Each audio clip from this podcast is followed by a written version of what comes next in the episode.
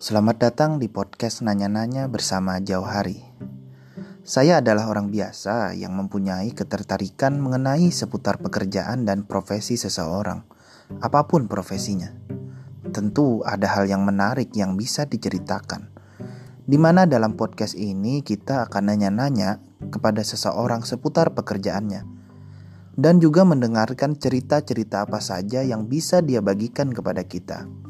Selamat mendengarkan dan semoga Anda bisa menikmati berbagai macam cerita yang kami sajikan di podcast Nanya-Nanya bersama Jauh Hari.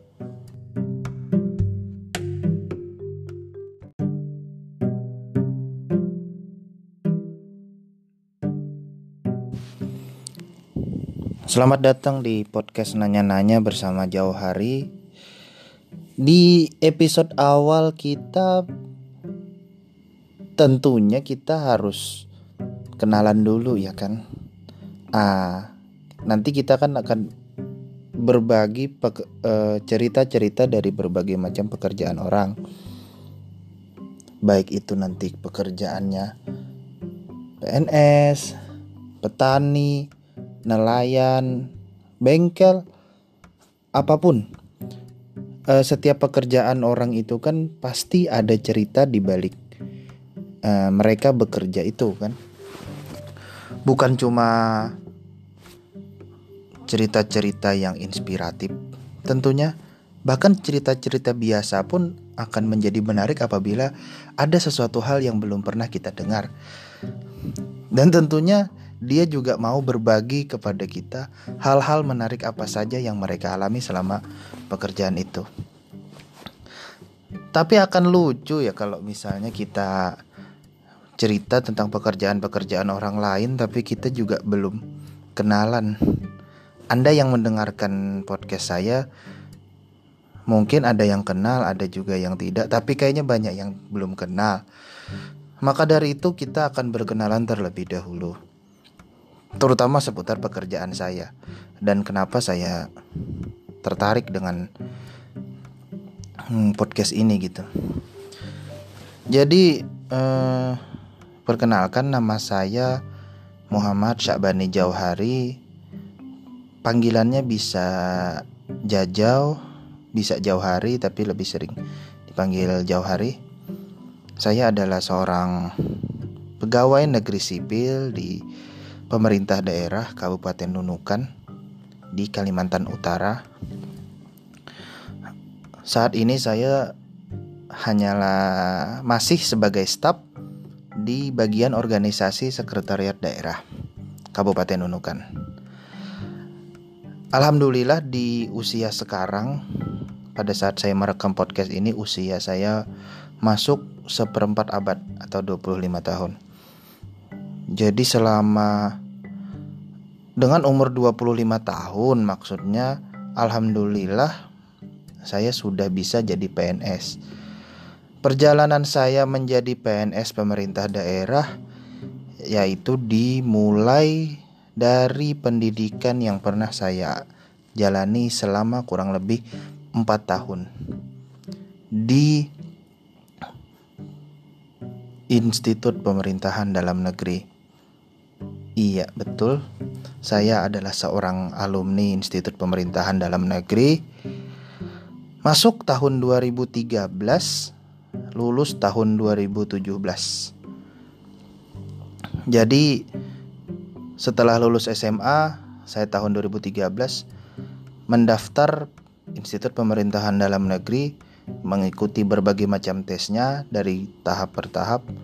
Alhamdulillah uh, alhamdulillah jalan saya meskipun penuh terjal, meskipun penuh dengan perjuangan yang panjang, alhamdulillah saya bisa diterima lah di sekolah ini gitu kan.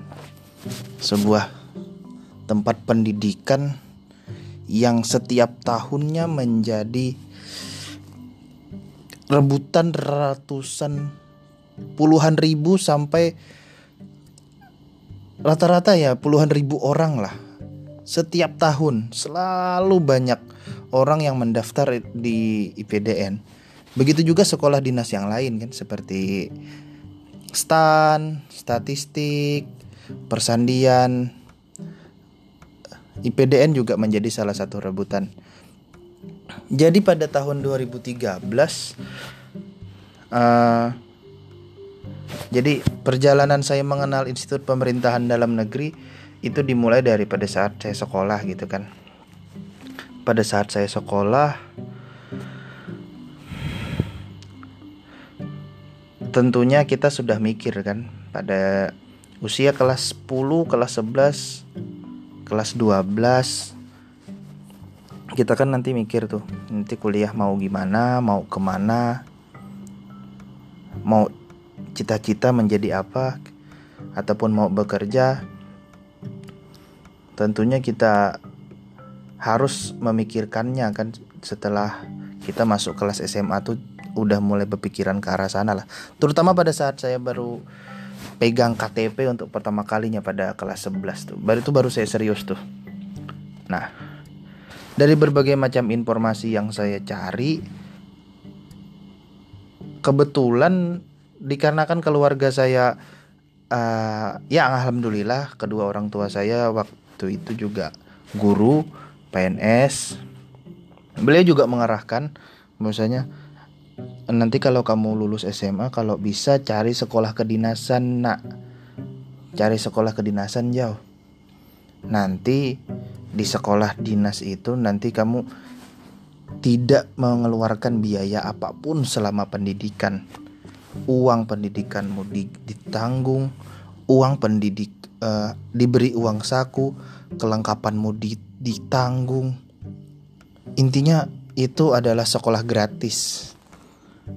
Ya kalau dikasih kasih lihat sekolah gratis ya kan ya pasti kita tertarik lah kan. Langsunglah kita searching apa-apa sekolah gratis yang ada di negeri ini kan di Indonesia nih. Lihat beberapa macam beberapa macam list sekolah kedinasan. Pertama yang paling menjadi favorit itu Institut Pemerintahan Dalam Negeri bersama STAN.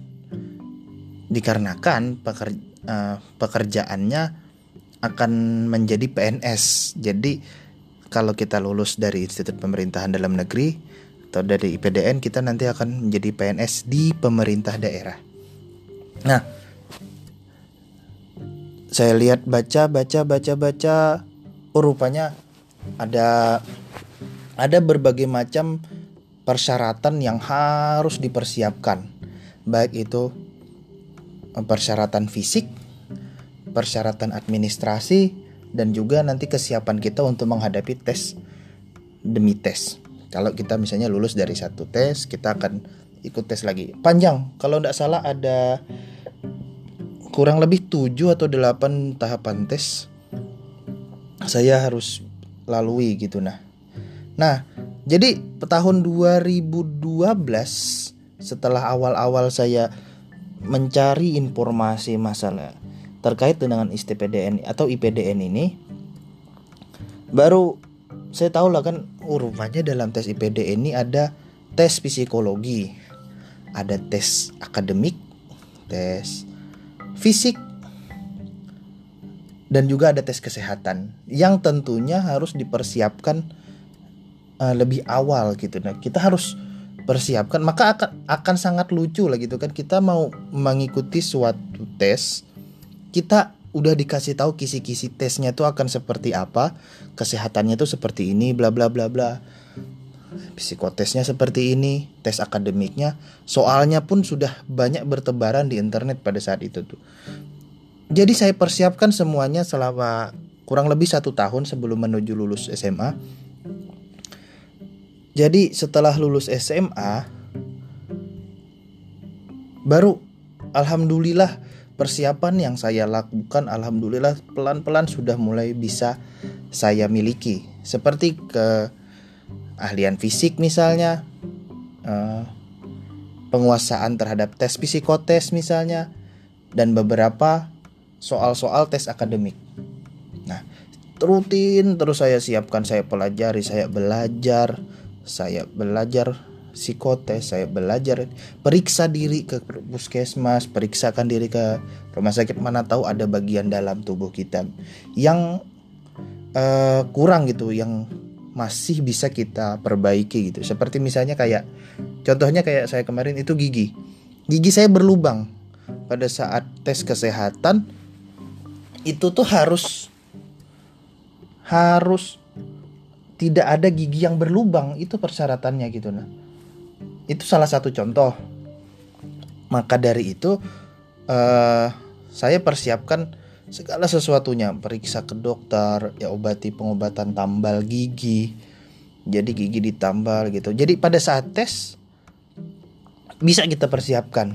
Nah jadi semua alhamdulillah pada saat tes tes itu pedah kita jalani kondisi saya saat saat kondisi saya pada saat mau bertempur untuk menghadapi tes ya alhamdulillah. Bisa gitu nah jadi tes akademik oh alhamdulillah rupanya apa yang saya pelajari bisa. Ada banyak yang muncul dalam soal. Seperti psikotes psikotes seperti tes menggambar, seperti tes menambahkan angka dan lain-lain. Itu sudah saya pelajari beberapa bulan sebelumnya, bahkan setahun sebelumnya. Udah saya persiapkan. Tiba-tiba keluar siap tempur lah, alhamdulillah. Dari tahap ke tahap udah lulus. Ada tes fisik seperti lari 12 menit keliling lapangan bola. Kayak ada pull up, sit up, push up, shuttle run. Nah, itu semuanya sudah dikasih tahu di berbagai macam literatur untuk penerimaan institut pemerintah dalam negeri.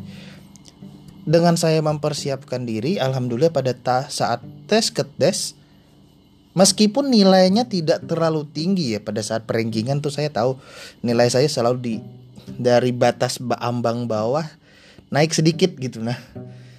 Alhamdulillah tapi masuk terus masuk terus masuk terus sampai pada tes terakhir di daerah saya bisa lalui dengan uh, kuota yang diberikan gitu. Nah misalnya waktu itu oh ya lupa saya bilang saya aslinya Kalimantan Selatan Kabupaten Hulu Song itu kah. Pada saat itu uh, kuota Kalimantan Selatan kurang lebih eh, berapa ya 35 orang yang diterima pada tahun itu. Alhamdulillah saya masuk 35 itu. Maka dengan kuota yang sudah di dibatasi untuk ke provinsi Kalsel 35 orang tidak lebih itu boleh masuk ke tes pantuhir. Jadi tes pantuhir itu atau tes penentuan akhir. Jadi kita harus mengikuti beberapa macam tes lagi yang ada di pusat di Jatinangor. Ada beberapa macam tahapan tes seperti tes kesehatan, tes kesehatan, tes fis uh, oh ya tes fisik tes kesehatan dan tes wawancara. Wawancara itu yang paling menentukan. Jadi insya Allah kalau kita sudah sehat dan fisik kita sudah memenuhi tes samapta maksudnya yang saya maksud tes fisik itu maka tes yang akan kita laksanakan di Jatinangor pun insya Allah harusnya juga siap. Nah, yang perlu dipersiapkan utamanya yaitu mental mental untuk menghadapi tes kesehatan dan tes fisik dan juga mental untuk menghadapi tes wawancara itu juga harus dipersiapkan. Nah, pada saat tes kesehatan kadang ada orang yang memang badannya fisiknya tuh sehat tapi gara-gara mentalnya sakit pada saat karena dia misalnya udah takut duluan kan dengan tes ini gitu lihat orang-orang banyak badannya besar-besar kekar-kekar misalnya kan kita ciut sendiri, maka mental kita juga kena berpengaruhlah kepada fisik. Maka mental itu juga sangat berpengaruh. Tapi alhamdulillah dengan mental yang sudah diberikan dipersiapkan untuk menghadapi tes ini, alhamdulillah tes PC, tes samapta dan tes kesehatan bisa saya lalui. Uh, pada saat tes wawancara, kita akan diwawancarai petinggi-petinggi negeri ini Waktu itu ada Sekjen Kemendagri, ada Rektor IPDN, ada Jenderal TNI, ada Jenderal Kepolisian. Lupa saya lengkapnya itu berapa orang. Yang pasti itu petinggi-petinggi negeri ini yang mewawancarai kita dengan yaitu melihat kesiapan kita untuk masuk ke IPDN ini sejauh mana gitu banyak dia nanti yang dia tanyakan tapi lebih ke mental kita bagaimana siap untuk mengadakan wawancara. Karena pertanyaan sebenarnya tidak sulit cuman kayak serangan mentalnya itulah. Karena kita diwawancarai oleh petinggi-petinggi negeri itu suatu pengalaman yang luar biasa. Singkat cerita diterimalah alhamdulillah saya di IPDN ini mulai menjalani pendidikan dari tahun 2013. Dari tahun 2013 akhir sudah mulai pendidikan. Lokasi pendidikan saya pada tingkat awal jadi pendidikan di PDN itu 4 tahun. Harus setiap tahunnya itu uh, ada berbagai macam tingkatan. Tingkat 1, tingkat 2, tingkat 3, tingkat 4. Tingkat 1 semua mahasiswa ataupun praja. Jadi ma kata mahasiswa nanti saya akan lanjutkan uh, saya akan ganti dengan kata praja karena itu yang umum dipakai di PDN. Uh, eh, jadi di PDN itu ada empat macam tingkatan tingkatan praja. Jadi setiap tahun kita harus naik tingkat. Apabila tidak bisa naik tingkat, maka kita mungkin tahan tingkat dan apabila kita melanggar beberapa macam aturan disiplin, maka akan dipecat gitu. Kita akan dikeluarkan dari kampus. Oke, saya lanjutkan. Tahun pertama menjalani pendidikan dari 2013 sampai 2014 itu semua prajanya sebanyak satu angkatan penerimaan. Kurang lebih waktu itu 2000 orang. Itu semuanya dikumpulkan di Jatinangor suatu daerah di Kabupaten Sumedang Provinsi Jawa Barat. Itu adalah pusat pendidikan di Institut Pemerintahan Dalam Negeri ini untuk pusat di pendidikan di IPDN ini. Nah, jadi satu tahun itu saya mengenal berbagai macam kawan dari Sabang sampai Merauke. Betul-betul ada orang Sabang dan ada orang Merauke kenalan saya selama di IPDN. Jadi uh, sebuah pengalaman yang baru seumur hidup kita bisa di asrama satu asrama itu berbagai macam suku, agama, provinsi, asal daerah, bahasa, berbagai macam nada suara, ada yang su dari daerah yang lembut suaranya, ada yang daerahnya kasar, nadanya kasar ya bukan ucapannya, nadanya ada yang tinggi, ada lihat kita lihat berbagai macam bentuk muka, bentuk wajah, berbagai macam warna kulit. Jadi tahap-tahap pengenalan saya itu saya anggap pengalaman yang luar biasa sekali di IPDN nih. Setelah, nah program di IPDN setelah satu tahun awal dikumpulkan seluruh prajanya dalam satu pusat di Jatinangor, pada saat naik tingkat 2 dan tingkat 3 mereka harus diregionalisasi. Jadi maksudnya tentunya dalam kampus IPDN itu kan kita ada penjurusan-penjurusan kuliah yang tentunya ditunjuk dipilihkan oleh pihak kampus. Jadi kita tidak memilih prodinya, tapi kita dipilihkan oleh kampus dengan berbagai macam pertimbangan yang hanya diketahui oleh kampus. Jadi misalnya kamu prodi politik kamu prodi manajemen, kamu prodi kebijakan, kamu prodi keuangan dan lain sebagainya. Nah, pada saat naik regionalisasi, naik tingkat dua, kita semua harus ikut program regionalisasi. Jadi kita akan dipecah menjadi beberapa kelompok kampus yang setiap kampus itu ada berbag ada ber, berada di beberapa daerah di Indonesia. Ada yang di Sumbar, ada yang di Riau. Sumbar itu di Bukit Tinggi, ada yang di Riau di daerah Pekanbaru, ada di Kalimantan Barat, ada di Makassar, Manado, eh, Lombok dan di kampus Papua. Jadi ada beberapa berbagai macam ditambah kampus Jakarta untuk kampus eh, S1 nanti saya akan sampai sana cerita. Intinya prodi saya waktu pendidikan itu prodi keuangan daerah. dari Fakultas Manajemen Pemerintahan. Manajemen Pemerintahan Daerah kayaknya. Nah, pada saat regionalisasi otomatis saya mendapatkan regional yaitu di kampus Sumatera Barat di daerah Bukit Tinggi, tepatnya di Kabupaten Agam. Jadi di Bukit Tinggi itu semuanya prodinya itu keuangan daerah. Di mana kita selama harusnya selama 2 tahun kita harus menjalani pendidikan di Sumatera Barat. Jadi selama, setelah kita tingkat 1 naik ke tingkat 2, tingkat 2 dan tingkat 3 itu harus menjalani pendidikan di kampus daerah di mana dia mendapatkan kampus pembagiannya itu gitu nah. Jadi ada yang mendapatkan kampus Lombok, ada yang dapat kampus Papua, ada juga yang ke Sumbar seperti saya. Ada juga yang ke Kalbar. Macam-macam lah beberapa kampus daerah. Kebetulan saya dapat di Bukit Tinggi. Jadi di situ dari 2000 orang satu angkatan saya kurang lebih sekitar 180 orang itu diberangkatkan ke Sumatera Barat untuk menjalani pendidikan lanjutan yaitu untuk menjalani pendidikan tingkat 2 dan tingkat 3. Jadi selama 2 tahun saya tinggal di kampus Sumatera Barat dari tahun 2014 sampai 2016. Dua tahun saya menjalani pendidikan di Sumatera Barat memperdalam ilmu keuangan daerah. Nah, setelah ada juga yang tetap di kampus Jatinangor tentunya.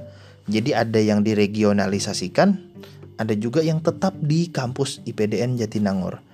Dan kemudian dari orang-orang yang di kampus Jatinangor tadi dipilih lagi orang-orang yang nilai IPK-nya tinggi itu untuk di dipisahkan lagi untuk menjalani pendidikan prodi S1 di kampus Cilandak, Jakarta.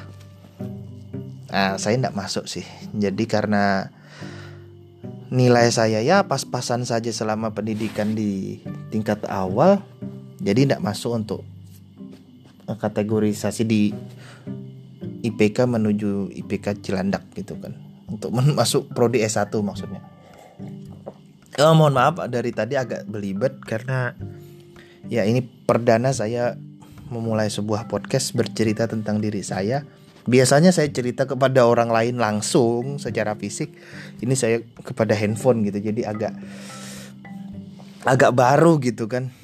Nah, kemudian setelah dua tahun menjalani pendidikan, kita semuanya dikumpulkan kembali pada tingkat akhir tingkat 4 ataupun masuk tahun keempat kita menjalani pendidikan, kita semua dikumpulkan kembali di kampus Jatinangor. Sebanyak 2000 kurang lebih 2000 orang pelajar yang selama 2 tahun teman-teman kami itu saling terpisah. Kemudian dikumpulkan kembali di Jatinangor untuk mm, menjalani pendidikan tahun terakhir. Jadi otomatis seperti yang kita tahu tahun terakhir pendidikan itu di yaitu penyusunan skripsi atau laporan akhir. Kebetulan karena pendidikan kami itu menggunakan uh, apa ya namanya ya. Pokoknya jurusannya D4 gitu, bukan S1 karena yang S1 itu dipisahkan ke Cilandak untuk untuk khusus untuk orang-orang yang IPK-nya tinggi. Kami yang tersisa tetap di Jatinangor untuk menyusun laporan akhir. Jadi setelah saya menyusun laporan akhir selama kurang lebih satu tahun, seperti kampus-kampus lainnya kita sidang laporan akhir, kita ngajukan proposal, kita ajukan sidang, kita mengajakkan penelitian, sampai akhirnya tahun 2017 kami satu angkatan yang masuk sama-sama pada tahun 2013 itu alhamdulillah mengikuti pelantikan pamong praja muda oleh Bapak Presiden Joko Widodo. Sebuah pengalaman yang tidak tergantikan seumur hidup. Yaitu kita lulus diresmikan ataupun kita diluluskan secara resmi oleh Bapak Presiden sebuah pengalaman yang sangat-sangat luar biasa menurut saya. Jadi setelah empat tahun menjalani pendidikan maka kami sudah mengantongi SK CPNS. Jadi seperti yang sudah saya ceritakan sebelumnya bahwasanya uh, masuk IPDN ini adalah setelah lulus kita akan menjadi pegawai PNS. Tentunya pekerjaan yang pada saat itu juga uh, banyak diidamkan oleh orang-orang. Itu kan banyak yang mau jadi PNS terutama saya sendiri dan juga keluarga saya, bapak dan abah dan mama saya tentunya. Jadi setelah saya lulus dari PDN sudah mengantongi NIP nomor induk pegawai SKCPNS resmilah saya menjadi seorang calon pegawai negeri sipil. Alhamdulillah setelah lulus kita mendapatkan gaji oleh negara untuk pertama kalinya setelah selama empat tahun kita ditanggung oleh negara tapi tanpa digaji tentunya karena kita masih pendidikan tapi fasilitas yang diberikan oleh kampus sudah sangat-sangat luar biasa cukup untuk memenuhi kebutuhan kita untuk belajar, untuk kegiatan di asrama, makan, makan kita ditanggung oleh kampus.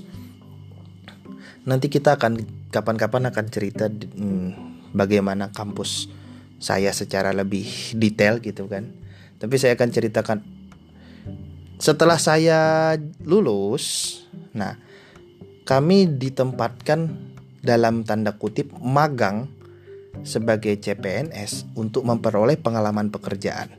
Dikembalikan ke daerah asal kita mendaftar. Waktu itu saya pendaftar di daerah Kalimantan Selatan Ditempatkan saya di kantor Badan Keuangan Daerah Provinsi Kalimantan Selatan. Kantor pertama saya untuk memulai pekerjaan ataupun memulai pengalaman kerja sebagai calon pegawai negeri sipil.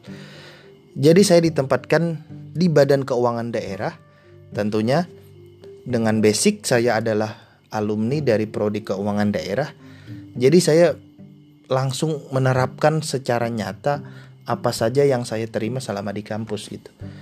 Alhamdulillah setelah satu tahun menjalani magang, jadi dari tahun 2017 sampai 2018 pertengahan, uh, saya menjadi pegawai CP pegawai calon pegawai negeri sipil di kantor Badan Keuangan Daerah Provinsi Kalimantan Selatan setelah mengikuti diklat prajabatan juga dan mengurus berkas-berkas lainnya Alhamdulillah tahun 2018 akhir di bulan September tepatnya kami resmi menjadi pegawai negeri sipil.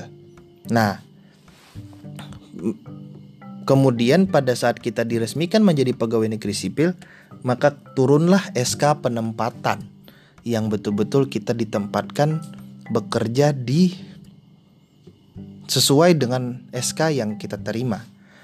Pada saat saya terima, saya ditempatkan di daerah yang sangat-sangat jauh dari asal saya, yaitu dari Kalimantan Selatan, ditempatkan di Provinsi Kalimantan Utara, di Kabupaten Nunukan, yang kabupaten itu adalah kabupaten yang berbatasan langsung dengan negara Malaysia jika teman-teman tidak bisa mengetahui posisi saya pada saat saya membuat podcast ini, saya sekarang bekerja di Pemda Kabupaten Nunukan. Hayalannya tuh gampang aja. Jadi kalian tinggal buka maps, hayalkan aja, hayalkan map di Pulau Kalimantan.